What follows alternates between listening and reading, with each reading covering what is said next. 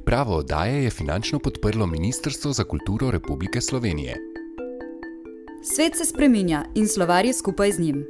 Kako je gradnja slovarjev potekala v preteklosti in kaj lahko od njih pričakujemo v prihodnosti, boste izvedeli v tokratni oddaji, ki jo vodi Špela Arharhold. Drage poslušalke, dragi poslušalci, dobrodošli v oddaji So pomenki. Tokrat na temo slovarji včeraj in jutri. Z mano v studiu sta dva doktorja slovenistike, Marko Stabej in Simon Krek. Oba zelo kompetentna in izvorana za to temo, kako poteka razvoj slovaropisja in kako se slovari spreminjajo skozi čas. Marko, ti predavaš na filozofski fakulteti na oddelku za slovenistiko, uh -huh. kjer je teme. Tiste teme, ki so povezane z družbo in jezikom, sociolingvistika se ponovadi mm. temu reče, malo na začetni, malo na nadaljevalni stopni, pa še tudi zgodovino tega knjižnega jezika, kar v bistvu je tudi zgodovina slovenske jezikovne skupnosti. Potem pa še malo bolj praktičnih stvari, kot so besedilo slove. Mm. In slovaropisi se tukaj upenja v bistvu bolj ali manj vse. Pravzaprav, ja, seveda se ne. Je pa res, da nisem strokovnjak za tako imenovano leksikologijo ali leksikografijo, eh, vsaj ne po standardih, ki veljajo tradicionalno v stroki, ne, ker so to mm, pač posebni predmeti, ki se tudi predavajo posebno, ampak marsikdaj mogoče niso dovolj vključeni v dejansko celovito sliko jezika in družbeno. To se mi zdi. Da potem, seveda, zlasti pri zgodovini knjižnega jezika, nujno spregovoriš tudi o vlogi slovarjev. Mhm. Simon, ti bi pa lahko rekel, da si strokovnjak z področja leksikografije. No, to lahko rečejo drugi. Ja. Zase lahko rečem, da se s tem ukvarjam že 25 let. Mm. Tako da iz tega mogoče izhaja, da smo v tem času že kaj razumeli ali pa se naučili. Imáš nekaj, kaj bi rekel, da so bile tvoje najbolj, najpomembnejše izkušnje v tem smislu? Jaz sem začel kot glavni urednik angliško-slovenskega slovarja pri založbi DZS.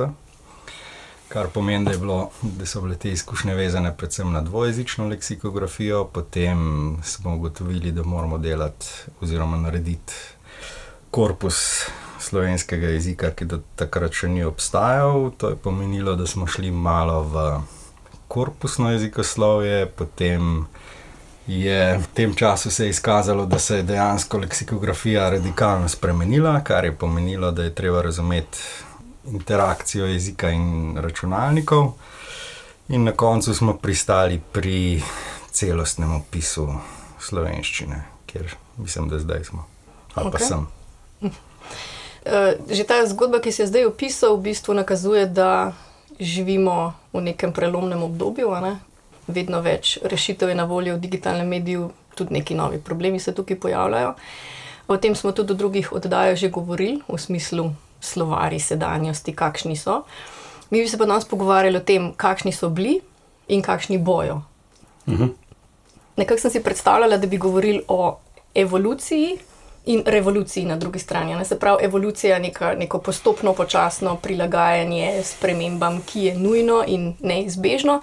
Na drugi strani pa potem revolucija, ki je angažirana sprememba, ki jo je treba v bistvu sprožiti in kot skupnost tudi nekako podpreti. In zdaj tukaj, se mi zdi, v našem prostoru smo se tudi soočili s tem, da je bila potrebna manjša revolucija pri potisku stroke naprej.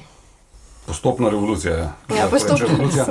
Zdaj, ne smemo govoriti o sedanjosti, ne? ampak Lahko. vseeno, v bistvu je v mojih očeh je problem sedanjosti to, da je del stroke šel naprej v to revolucijo, jo resno jemlje in resno jemlje tudi eh, tako imenovane naslovnike in naslovnice slovarja.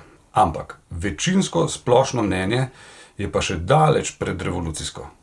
To je pravzaprav, se mi zdi, ena od osnovnih težav in jo je mogoče pojasniti dejansko z zgodovinskim mhm. razvojem, ne samo vloge slovarja, ampak nasploh, kako je slovenska jezikovna skupnost nastajala in kako je delovala. Ne. E, dejstvo pa je, da v večini časa preteklega so bili slovari na nek način, po eni strani jasno, ne, dokazilo, da ta jezik je, Po drugi strani so imeli pa tudi razmeroma zelo zgodaj tudi to praktično vlogo do neke mere. Ampak slovar je bil dejansko namenjen tako majhnemu krogu ljudi, da so se te ljudje bolj ali manj zavedali omejitev teh slovarjev ne, in so na nek način ponujali alternativno resnico resničnemu jeziku, hkrati pa ljudje niso imeli dostopa do podatkov, kakšen ta jezik je. Mhm. Kot je znano tudi Simon Dopolnjen, ampak tudi iz angliške leksikografije, da so marsikdaj slovari ustvarjali jezik, ne, da so ga odslikavali. Ne.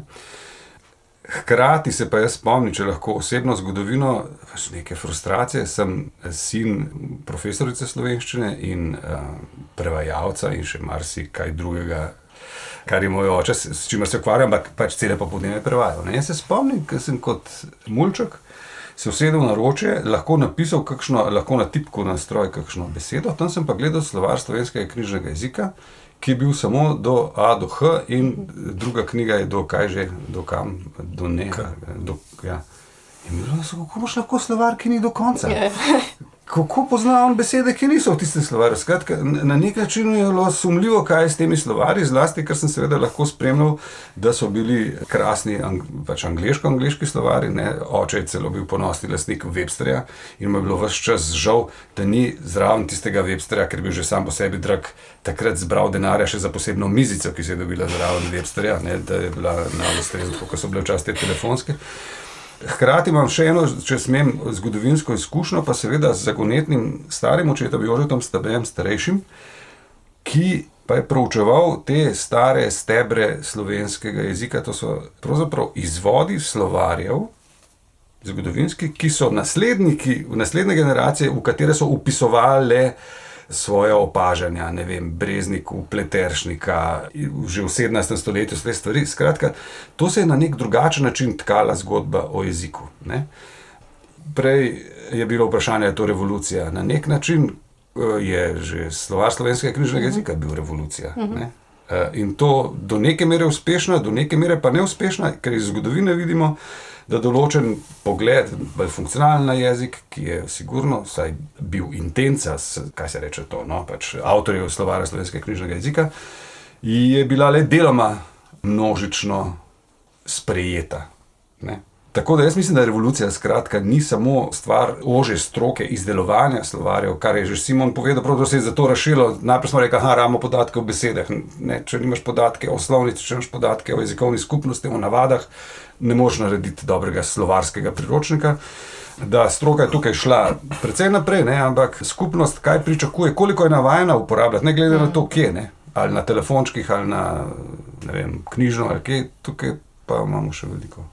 Če si odprl to vprašanje uh, uporabniških navad, ena naših uporabniških raziskav je pokazala zelo zanimiv odnos slovencev do tiskanih in digitalnih slovarjev. In skazalo se je, da večina uporablja slovarje v digitalni obliki in jih tudi preferirajo, če jih vprašaš. Mislim, da nekih 13 odstotkov preferira tiskane, ampak uporablja večinoma digitalne, če so na voljo.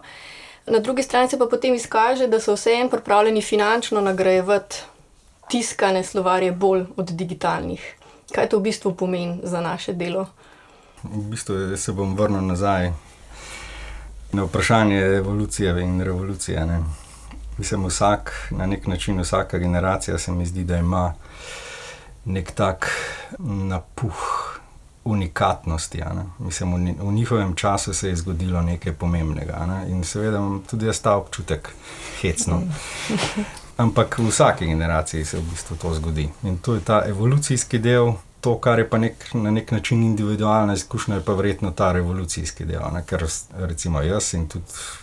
Veliko ljudi, ki se ukvarja z leksikografijo, to dojema kot revolucijo, definitivno, ker se v njihovem času njihovega življenja tako rekoč zadeva postavlja na glavo. Mm. In isto bi lahko rekel, verjetno tudi za vem, 16. stoletje in 19. stoletje in tako naprej. V 19. stoletju si imel situacijo, ko je na podlagi nekih. Nekega razvoja, ne, kako, kako je potekal eh, cele družbe, ne samo jezikov, ne, je bilo zelo jasno, da obstaja presija tega, da vsak spodoben jezik mora imeti zelo kompleksen opis v nekem tiskanem slovarju, ki ima od 1 do 25 delov. In to traja sto let, da to narediš. To je bila njihova revolucija. Katero stoletje si rekel? 19. Kaj pa nas je to še v 20. Ja, pa nas je pa to pač, kot smo taki klasični zamudniki, a ne s tem Ampak recimo tako presijo so imeli eh, nemščina, angliščina in tako naprej, francoščina. To hočem reči. Ne? In zdaj iz našega stališča je ta preskok, ki se je zgodil, je bil v bistvu tehnološki. Računalniki, kot neki osebni računalniki, ki se preselijo iz nekih zelo oskih univerzitetnih krogov v vsak dom. In potem pride še internet, kar dimenzije vsega tega, kar počnemo, enostavno spremeni. Komunikacijo, vse. In tako tudi dostop do podatkov o jeziku, kar v bistvu slovari so. Tako da, mislim, ves ta del v zvezi s knjižno ali pa digitalno debato je pravzaprav za mene po eni strani generacijski prehod, ki je zmeraj nujen. Če gremo v 19. stoletje, jaz sem prepričan, da je marsikdo takrat obžaloval, da mora uporabljati ta smrdljivi aparat, ki gre na benzin, ne more pa več s konjem do svojega brivca. Recimo, dobro, Ker so pri nas razdalji majhni. To, recimo, da je to neka metafora tega, da mm. je, ima neka generacija neko percepcijo, kako se nekaj počne, ne naslednja pa tega nima več v bistvu. Je pa normalno, da se voziš z avtomobilom na motor z notranjim izgorevanjem. Zmeraj je pa tako, da se mi zdi, da je to tudi stalnica. Ne? Da obstajajo nekateri ljudje, ki nekako preskakujejo te generacije ali pa zaostajajo za generacijami, in tako naprej. Ne? In jaz se v svoji starosti zdaj le počutim nekako premladega, v tem smislu, da mi je bila ta digitalna agenda več čas blizu in mi še zmeraj je blizu, čeprav bi moral ljubiti tiskane in dišeče slovarje. Kar v bistvu tudi še vedno lahko se s tem identificiram, ker je prvi slovar, ki sem ga delal, natisnen in mm. lep, debel in tako naprej. Dobil celo nagrado za najlepši. Uh, ja, ampak to je uh, v bistvu zasluga oblikovalca. Ja, ja, se, ampak mislim, oblikovalec je bil izbran. In, tako. tako. Ja. Ja, lahko bi dobili pa ono, kaj je že nagrada zlata, lim, zlata limona za najslabše trženje, kar je možno. Ne. To je zanimiva zgodba. To bi bilo tudi upravičeno. Ker, ja. Ja. To je bila žalostna zgodba, da dobro narejen slovar je v, v pač dojemanju založnika. Ne. Si zasluži prestižno publiko, ki je pripravljena zelo veliko plačati, čeprav je malo številna. Ne. In enostavno ni bilo mogoče dopovedati, da bi bil tukaj veliko boljši račun, da bi množično to kupovali ljudje za manj denarja in bi tudi oni več zaslužili. Ampak... To so te življenjske preizkušnje. Ja? Ja, no, ampak če nadaljujem zdaj s, to, s tem preskokom na, na digitalni del, ne, ki gre z roko v roki z neko zelo splošno situacijo, s katero so se morale soočiti vse založbe na svetu, vse glasbene založbe na svetu, vsi filmski distributerji in tako naprej, ker se je prenos vsebin prenesel na splet. Splet je bil bazično dojet kot nekaj, kar je prosto dostopno, in v tem smislu so, kot je že prej Marko rekel, ne, če so bili dobri slovari, se je lahko tudi zelo, zelo veliko zaslužilo. In kar naenkrat je ta zaslužek enostavno izginil, uplahnil. Mhm. In celo področje, ki je bilo prej podprto z to vrstnimi um, sredstvi, recimo ne, tržnimi, komercialnimi, tega ni več. In v tem smislu je bil to del, ki sem ga jaz sam doživel na svoji koži, ne? nekje med recimo, letom 2000 in 2010 se je to zgodilo. Zdaj lahko vidimo to, da se je vsa ta dejavnost praktično preselila v neke bolj javno financirane skupnosti, kot, je, kot so univerze, inštituti in tako naprej, ne samo pri nas, po celem svetu. Hkrati je pa forma absolutno drugačna, ampak o tem verjetno potem lahko rečemo še kakšno. Mm. Marko je prej izpostavil, da so bili tudi v preteklosti večji mejniki slovaropisja, da mogoče lahko rečemo, da pravzaprav vsak slovaropisni projekt je prinesel neke novosti in je bil na nek način drugačen, nov in je bilo treba utirati neko ledino. Ne, vsak gotovo ne. ne. Sej, mislim, nekateri so pač tudi zelo predvidljivi. Ne, po mojem, celo večina je bila razmeroma predvidljivih, zlasti teh komercialnih, ne, tem ne vem, malih dvojezičnih slovarčkih uh -huh. in mhm. tako naprej. Ne. Veliki projekti pa so bili na nek način prelomni, ampak teh velikih je bilo malo. Neznanje je pač ta zgodba o velikem tem, kar je Simon rekel. Pri nas malo prilagojeno, zato ker pri nas v 19. stoletju še nihče ni razmišljal o slovensko-slovenskem slovarju, ne? niti oddaleč ne. Je bilo jasno, da to mora biti slovar v paru z Nemščino, ne? ampak to, to so te zanimive zgodbe, da je vodnik že tiskal tako rekoč reklamo, ne? ki je menda po, po mnenju Korošca, mislim, je prvi natisnen letak, ne? da zdaj le, zdaj le bo ven prišel ne? in v resnici prišel ven šele skoraj sto let kasneje, ker je bil glavni koncept, da moramo s tem slovarjem pa pokazati, da je slovenščina super, pa stara, pa vse ne in zdaj kako to doseči, pa ni bilo čisto jasno. In vodnik je bil še bolj praktične narave. Ne?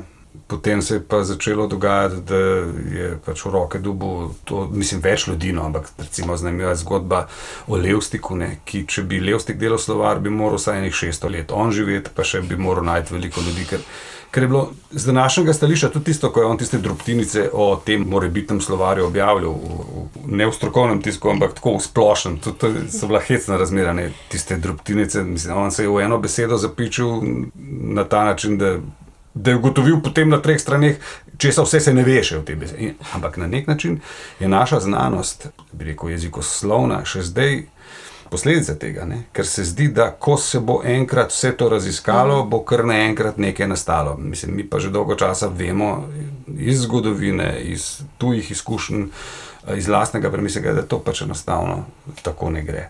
V tem smislu je bil Pleteršnik s svojim slovensko-nemškim slovarjem res revolucija, zato ker je znal na nek način in zmogel združiti vse te nasprotujoče si stvari v nek zaokrožen izdelek, ki je bil uspešen, ker je bil hkrati praktičen in hkrati bil dovolj tehten, da je, rekel, svojo vlogo odigral. Ne. In na nek način je se pri vsem to podobno zgodilo. Ne. In ko je Ramovš po drugi svetovni vojni v spremenjenih okoliščinah, seveda moral na skupščini SAZU predstavljati novi oblasti, ne, kaj zdaj to bo.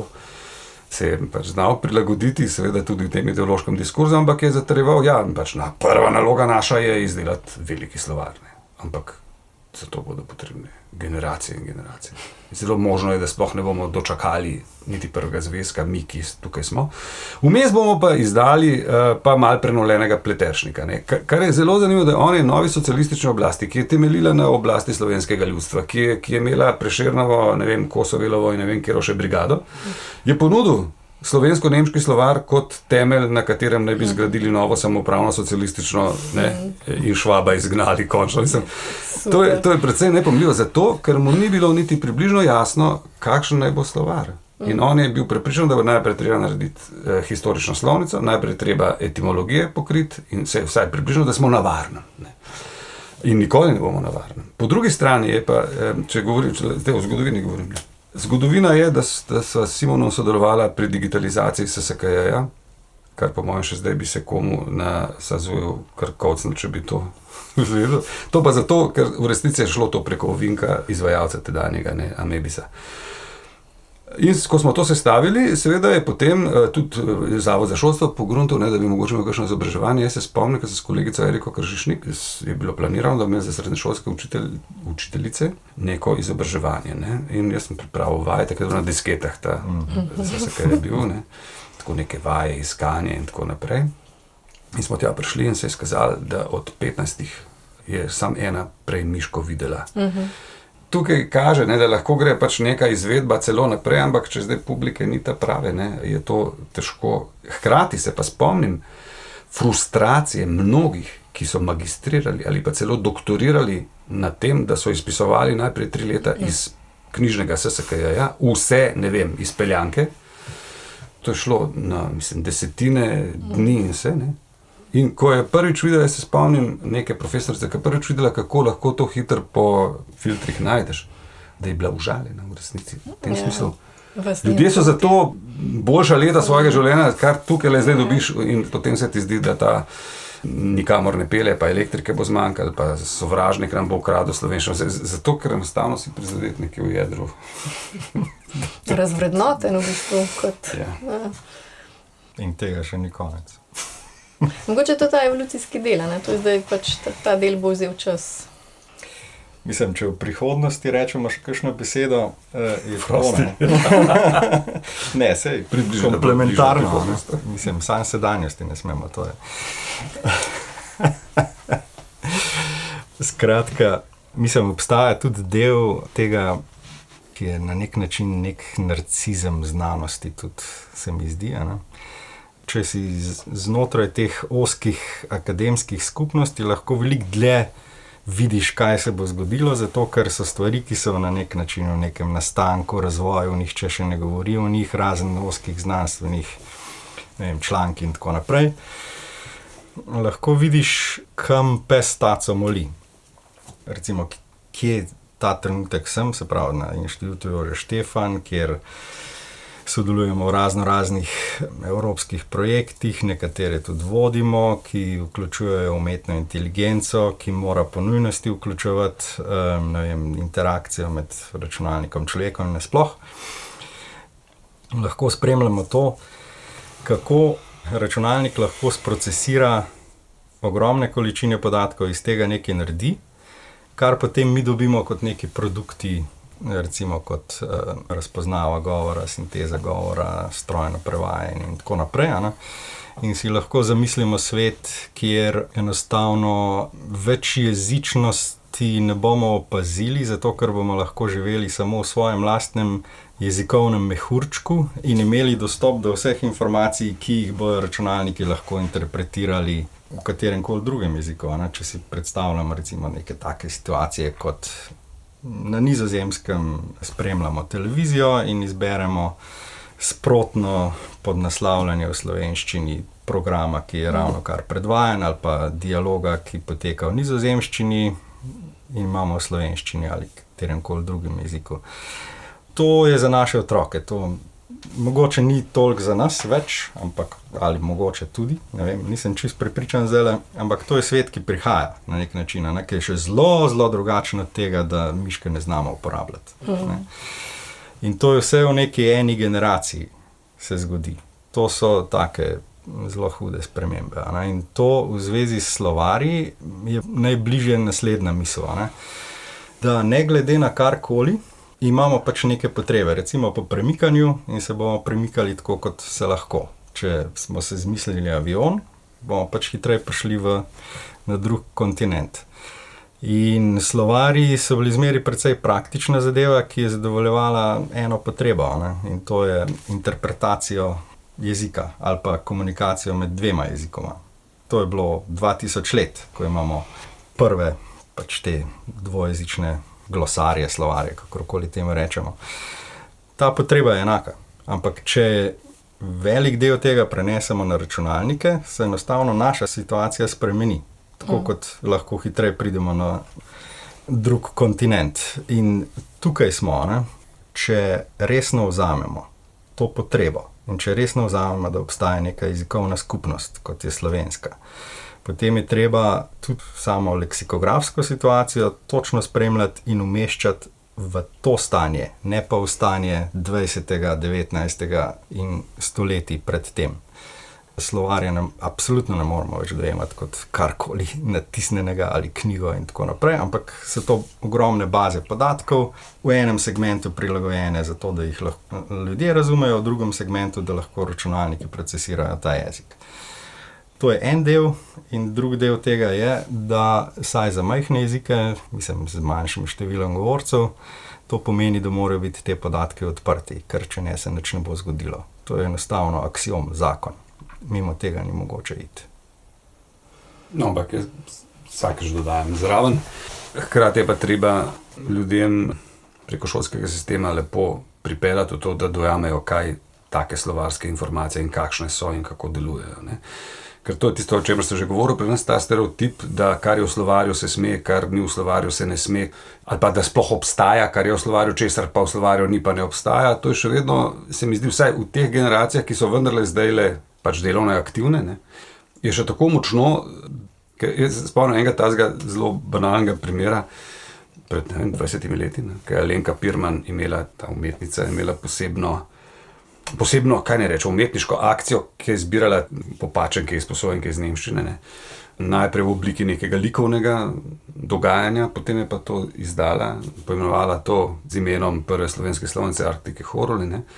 In izdala kot neke vrste postmodernističen, seveda, kvazi slovarne. In takrat je zdajšnji akademik, ne, Marko Snoj, zdignil glas, da kakšna sramota je to za slovaropise. In bolj kar razlagala, da to ni slovar, ne, bolj je on dokazoval, da to seveda je slovar in to slab. Ne, ampak dejstvo je, ne, se, mislim, to je umetniška provokacija, ampak v Kobisu je bila zavedena kot slovar, seveda. Mm. Aha, a zdaj se pa to sme uporabljati, ker je tam v tistem slovarju, ki je bil evidentno umetniško dejanje. Ta vloga, mislim, Simona ima že dolgo zgodovino tega, da je Simon na nek način optimističen glede tega, da če je nek izdelek dober, ne, bojo ljudje to že slejko prevideli. Ampak seveda, če je ta izdelek dober ali v garaži ali v hali, mislim, imaš lahko ti ne vem kakšen avto, pa hibrid, pa ne vem kaj, če ga nihče ne bo, ali pa se ga ljudje bojijo, ali pa se jim zdi, da itak za njih to ni. To je mal težava tega. Ne? In dejansko je pa tudi težava, kako pripeljati to, mislim, lahko samo skozi šolo. Ne? Ampak, če imaš v, šolo, v šolah, bi rekel, tak sistem, da je nek dvom, pa neko krmarjenje med različnimi možnostmi bolj izjema kot pravilo, ne, do takrat so te stvari lahko problematične. Zato tudi te slovari so pomembni, slovar, kolokacijski slovar. Popravite me, v teoretičnem smislu je to samo neka prehodna faza, nekega skupnega mhm. vira o jeziku, ki bo ponujal vse tudi razumem, najprej je bilo to, recimo, meni osebno smešno, zakaj treba narediti slovar sopomenk, če bo itak slovar, ki bo te sopomenke vključil, jih kontekstualiziral, ampak zdaj se mi zdi, da je smiselno in stališča na nek način reklame za tak nov tip. Slovarskih informacij, ali kaj ne sploh rečem, metajezikovnih informacij, in kot detekcija morebitnih nesporazumov, ki sploh niso več morebitni, ampak so dejstva. Ne v zvezi z optimizmom ali pa pesimizmom. Ne? Moj optimizem izhaja tudi iz tega, da seveda sem lahko prepričan, da računalniški del bo zanesljivo funkcioniral in mm. mora biti tam. Ali bo prišel do tega, bi rekel, edukacijskega dela in širše v družbo, je pa odvisno od vem, zrelosti te družbe in celega sistema. To je po eni strani. Po drugi strani tako intimno mene bolj zanima, da dobijo prave informacije, vem, otroci in vsi ostali uporabniki prek tega, kar upravljajo vsak dan. Če bojo iskali nekaj na Googlu, kar več čas počnemo, ali pa na kakšnih drugih iskalnikih, se nima veze. In bo prava informacija zaradi tega, ker smo jo mi v odprtem dostopu dali na voljo, naredili in dali na voljo, na ta način prišla do človeka, ki bo imel za to boljši bolje zadovoljil tiste potrebe, o katerih sem prej govoril, ne? da bo razumel, kakšen je njegov jezik, da bo lahko na drugi jezik prešel brez težav. Smo naredili to, kar smo hoteli.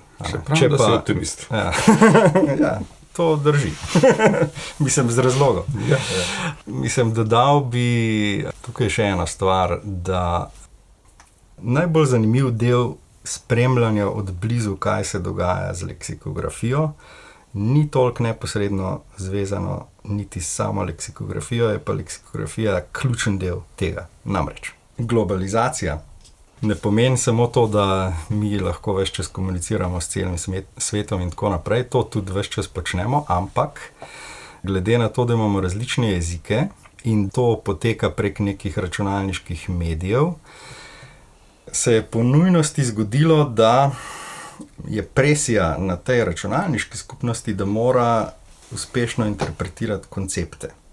Naslednje desetletje, ki pravijo, da bo desetletje umetne inteligence, ne, je, kar se tiče leksikografije, bo ključno to, kako koncepti prehajajo bodi si iz jezika na jezik, ali koliko računalniki lahko razumejo te koncepte. In zdaj imamo spet neko, neko hecno situacijo, zgodovinsko gledano, v tem smislu, da v 19. stoletju, ne, ko smo prej govorili, kakšna je bila situacija, je bilo tako. Po neki taki Humboldtovski logiki, da jezik uteleša misel naroda, in tako naprej, in da je vsak drugačen, in da je treba zato, seveda, tudi slovarje delati izolirano, a ne brez vseh ostalih. Ja, ali pa eno, en jezik ob drugem ravno, da pokažeš vse te razlike. Ja. In potem ta narcizem malih razlik, ne, ker je na nek način splošni koncept isti, ampak v nemščini ima pa še tole zraven, v danščini ima še tole zraven, v slovenščini še nekaj tretjega, konotacije, na, na, na.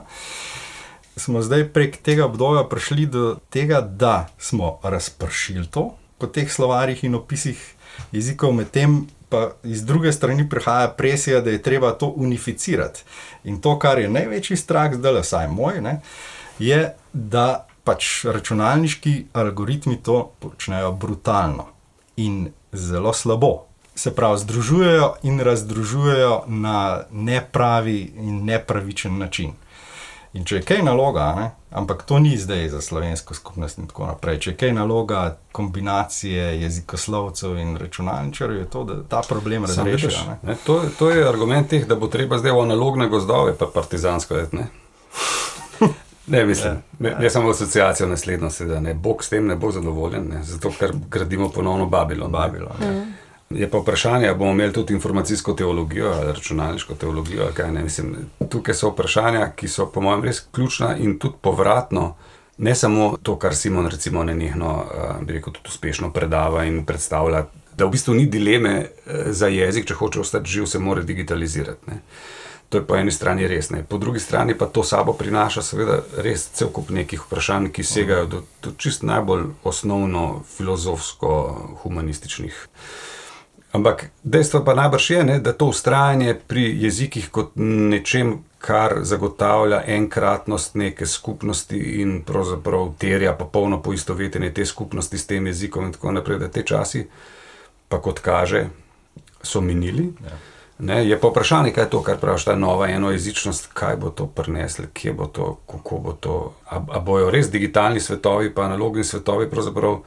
Jaz zadnjič sem na tem razmišljal, sem neko tako prispodobo, kot avtoceste, pa regionalke. Ne. Mislim, dokler so regionalke edine ceste, pa če so avtoceste, mislim. V novi generaciji bojo neke, neke nove navade, neke tudi no, novi, kaj bi rekel, diapazoni nekih. Kako dojemaš? Mislim, mi pa, ki tem razmišljamo, razmišljamo z veseljem, ampak na nek način uh, z očali od, od včeraj. Z očali od včeraj, definitivno vprašanje, kakšne bi barve našli. Ja, dioptrija. Plus minus. Mislim, še ena mogoče stvar in misel v zvezi s tem. Znotraj tehnologije ne, je precej velika razlika, ali je situacija strojno prevajanje, kjer imamo na nek način uh, to kitajsko sobo, ne, kjer pač imamo ene vrste kod, imamo druge vrste kod, imamo nek umestnik, nek medij, ki je pač v tem primeru računalnik, ki je slep, ne? neč ne razume o ničemer, ampak lahko pa uspešno to naredi.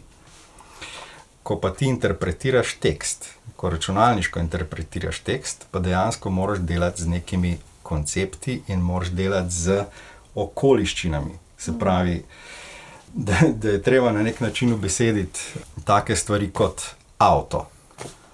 Za računalnik to mora pomeniti tipično vozi, tipično je na nekih tleh, tipično ima štiri kolesa, tipično je to, to, tipično to. Tipično si želiš več. Vse to, mislim, vključno z um, preferenčnimi znamkami in um, izvorom, japonski, ameriški in tako naprej. Vse to je treba nekako kodirati v koncept. Ne? In ta naloga je pa precej, precej težja kot enostavno kitajsko sobo, strojno prevajanje uporabiti. Mm, ja, seveda, ker, ker moraš pa pri tem početi to, kar je pravzaprav tudi vsaj del humanistične znanosti, zlasti tisti, ki je hotel biti metodološko natančnejši, je zlahka delo, da je poenostavljal pri modeliranju tudi jezika. To poenostavljal, dokler se je šlo. Mm. In zdaj, seveda, če to ostane pač v oskem krogu akademikov in nima, eh, mislim, in znanstvenikov, in nima prokašnega hudega vpliva na, na stvarnost, to gre. Ne? In se jim celo, bi rekel, se jih za to slavi in tako naprej. Ampak, ko pa tako, ne vem, rezanje okončin konceptov se zgodi za, za vso skupnost, je pa lahko to grozljivo v resnici. Ne? Ja, vse. Mislim, lahko smo prepričani, Ana, da bo tukaj um, ta prvi tekač angliščina, ne? kitajščina. Pa potem pa vsi ostali.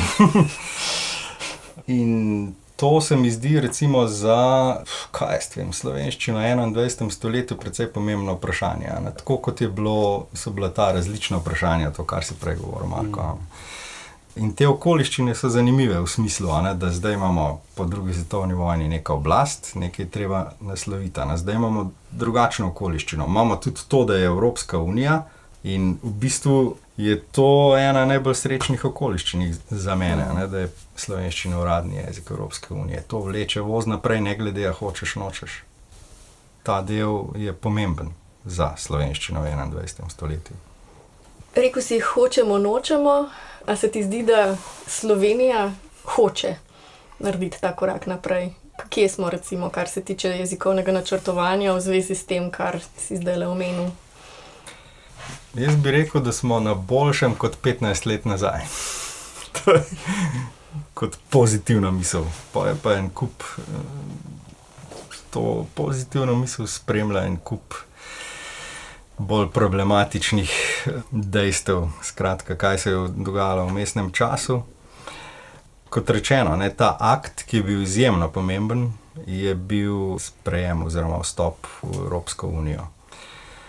Sami smo se pa zelo, zelo potekali glede jezikovnega načrtovanja. In mm, z Markotom smo v bistvu kar precej sodelovali v teh razno raznih zanimivih procesih, nekje od leta 2007, bi rekel. Mm. Kjer imamo take akte, kot so jez, eh, resolucije o mm, nacionalnem programu. nacionalnem programu za jezikovno politiko, imamo službo za slovenski jezik, ki je prešla od mm, relativno pomembnega organa do zelo nepomembnega organa znotraj Ministrstva za kulturo, imamo neke impulze financiranja, želje, potem spet neke globoke prepade v tem, kaj sploh mislimo o jezikovnem načrtovanju in tako naprej. Na nek način se mi zdi, da je to, kar najbolj manjka v celoti jezikovnega načrtovanja v zvezi s slovenščino, je neka konsistentnost. Mm ker to, kar lahko gledamo na drugih koncih, vsaj jaz lahko gledam znotraj teh evropskih projektov in razno raznih inicijativ, ki so, je to, da si človek želi, da bi bilo tako, kot ja. znajo. Ja, jaz bi te ironično dopolnil, da konsistentnost seveda obstaja. Ne? Ampak obstaja v izraziti nekonsistenci, ne? E, na podlagi tistega, kar se je itak vedno počelo. Mogoče bom prvič tako brutalno zdaj le poskušal izraziti, ampak večina slovenskega jezikovnega načrtovanja v preteklosti, vsaj v 200 stoletju, temelji na tem, da se ja ne bi več zgodil z jezikom. Uh mhm. -huh. Da bi ostal vsaj tako, kot je. Ne. Hkrati je bilo pa večina energije dejansko uperjena deloma upravičeno, deloma če nazaj pogledamo, kar je seveda lahko biti general po bitki, ampak se zdi vendarle tudi pretirano na boj za status slovenščine znotraj večjezičnih držav, zlasti pač recimo Jugoslavije, ne, kjer je bilo vrsta res takih jasnih kršitev pravic slovenščine, slovenske jezikovne skupnosti. Deloma pa tudi cel kup nespameti same slovenske jezikovne skupnosti, ki je pač kot mehna skupnost želela biti velika tam, kjer mogoče ni bilo nujno, nisi pa upala biti majhna tam, kjer je bilo dobro. Hmm. Tako da v tem smislu bi rekel, je še zdaj prevladujoči refleks, jaz to celo pri sebi vidim, seveda ne, eh, kot predavatelju, na neki točki se ti zdi, pa zakaj bi se kaj spremenil, vse je pravzaprav vse v redu, ne? ali pa celo obratno, se gre vse samo na slabše. Ne?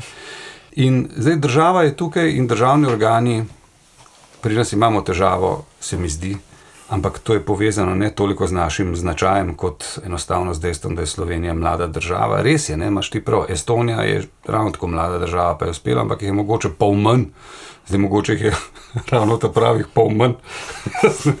to je malo mal neumno o tem govoriti. Ampak se mi zdi, da nezrelost državnih organov, ki strepetajo pred kakršno koli odločno spremembo. Hmm.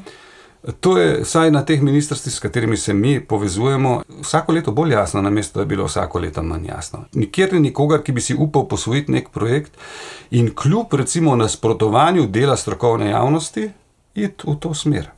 Zato, ker pri nas na področju jezika ima ogromno moč čista demagogija. In te demagogije je veliko. In požanje medijsko pozornost in požanje tudi, bi rekel, splošno naklonjenost publike Ne, da bi zares premislila, kaj podpira, absolutno. In to se splača. Ne? Da ti govoriš o angleščini kot nečem, kar onesnažuje naš jezikovni prostor. In pravzaprav se norca delaš iz vrste znanstvenikov in visokošolskih pedagogov, češ da hočejo zavratno in, in ne vem kako še uvesti angleščino, samo zato, ker hočejo škoditi slovenščini. V takih razmerah, seveda, še toliko teže najdeš nekoga, ki bo od birokracije, da rečem, znal podpreti neko idejo, ki se mu bo zdela dobra in konstruktivna za državo, mm. in ne samo za narod. Ne? Tukaj imamo težave. Mi smo tudi lahko napisali, mislim, stroka. Dober akcijski načrt in za izobraževanje, in za opremljenost. Sem kaj, če nihče tistega, bi rekel, tako resno ne jemlje, da bi priskrbel sredstva, kaj šele, da bi priskrbel za konsistentne razpise, ki bi se lahko nadaljevali, ki bi dobro nadgradili, slabo sankcionirali s tem, da se ne da več. Ne? Hkrati je pa tukaj neke vrste taka vazalska scena, da če neka ustanova nekaj počne v 19. stoletju, da naj to počneš v 21. in da nišče ne upa reči, da mogoče pa ni več čas za z vozom pripeljati do Brivca. In, in v resnici je ta prestrašenost pred spremembami, se mi zdi, in nezainteresiranost pretežnega dela stroke, da se zares karkoli spremeni. Ne. Ko smo razpravljali eh, na stoletnici oddelka za slovenistiko, je Marko Juan dobro povedal, da pač osnovni naš problem je, da ljudje od nas hočejo čist nekaj drugega, kar mi mislimo, da jim hočemo dati. Ne. Mm. Nekateri. Zdaj, drugi so se pa toliko na to navadili, da pač to dajo. In ljudje še vedno hočejo imeti prav na robe, se kot si vemo. Ali se to sme, ali se to ne sme. Ne. V tem kontekstu je jezikovno načrtovanje, ki bi šlo čez, težko se prebije. No. Pač, ja, z nekimi majhnimi koraki in tako, in boljše zdaj kot pred 15 leti, ampak ni pa to, ni pa to hitra cesta, kaj bi rekel. Mislim, meni je bilo zmeraj všeč nek koncept, ki se ga je Marko spomnil, tega jezikovnega potrošnika. Če je vprašanje, recimo, kaj mi pričakujemo od naših uporabnikov, se mi zdi osnovno to, da pričakujemo, da bodo dejansko v nekem figurativnem smislu taki potrošniki, kot so mogoče na drugih področjih. Ja, da nam bojo kar v smislu, da ko, ko, uh, ja, ampak da bojo premislili in vzeli tisto, kar se zdi, da je pač vem, kaj, najboljši pravni stroj. Za te specifične potrebe v tistem danem trenutku. Za to ceno. Ja za tega specifičnega uporabnika. In tukaj imamo, po mojem, težave ne? na obeh koncih, se pravi na, na tem državnem, birokratskem koncu in na potrošniškem koncu, ker na nek način ni razloga, da bi nekomu, ki vendarle prispeva za proračun, dopovedoval, vem, če se vrnemo nazaj k leksikografiji, slovar bo tak, in nobene besede nimaš pri tem, ali bo zate uporaben mm. ali ne bo. V bistvu bi moralo biti obratno. Uporabniki so naročniki preko budžeta, kaj rabijo ta hip. Ja. Zrcalna slika je tega, tako, da nekdo, recimo, da si predstavlja neka uradnica, ki lahko sklepa o tem, ali bo kaj financirala ali ne, ne. vemo, da ni tako enostavno. Reka, ok, slovar dva slovarja hočemo imeti, recimo. Mhm. Ne, mi ne bomo plačali zato, ker itak slovarja menga ne uporablja, mhm. za res. In to se pravi, čisto dosto, da imamo samega. Ne? In to je tudi res, če ga nihče ne uporablja, je res dost, da je samo en, pa mogoče še ta en preveč, ne? ker bi lahko naredil sam tiste eh, sam stranice, pa bi rekel to. Ne? To zdaj poenostavljam, ampak v tem smislu ni dojemanja, ne? ker nišče si ne upa reči, zakaj bi imeli več časopisov, mejmo enega, mm. zakaj bi imeli več strank, mejmo eno, Ne? Zakaj bi imeli več bendov, imamo enega? Sam tisti ne bo dober. Ja, ne, pa vsi se morajo z njim strinjati, pa vsi ga morajo poslušati. Ja, ja. No, vse imamo tako. Okay, se pravi, lahko zaključimo oddajo v tem smislu aktivacije ali pa poziva poslušalkam in poslušalcem, da tudi sami kot jezikovni govorci, govorke ali pa potrošniki, potrošnice, imajo možnost vplivati na to, kako bo nadaljni razvoj slovenščine potekal. Vsekakor je ta poziv nekaj, kar z optimističnega stališča podpiram, z pesimističnega pa ne verjamem. da, bo, da je možno to spremeniti v tem kratkem času. No. Ja, to je v smislu nekega Mislim, aktivnega državljanstva, ozaveščanja, ja, kaj se, ljudje pravzaprav sploh lahko naredijo. Kaj, to je res, ampak ravno na slovarski sceni recimo, lahko rečemo, dva domnevno konkurenčna sta si so pomenke, pa sinonimni slovarne. In tukaj, recimo, ko imaš ti možnost izbirati, pa ko izbereš nekaj, lahko daš, zdaj pa to pa omogoča sodobna, sodobna socialna mreža in tako naprej, lahko daš jasen signal, kaj raje in bolj spridom uporabljaš. No, seveda, dokler je to teoretično, zdaj ne, med dvema konceptoma slovarja. Ker je en varnost pravi na ustanovi, ki ima PR in vse v zvezi s tem, ne? drugo pa mogoče ne. Večina se ne more zdaj tle opredeljevati vnaprej. Ko pa enkrat je, tam pa z reakcijo, po mojem, lahko daš glasno vedeti. In to so nekateri tudi recimo, naredili, ampak večinsko pa ne. ne. Okay. Še je čas. hvala za pozornost in hvala Marko Stove in Simon Krek za ta pogovor. Hvala. hvala.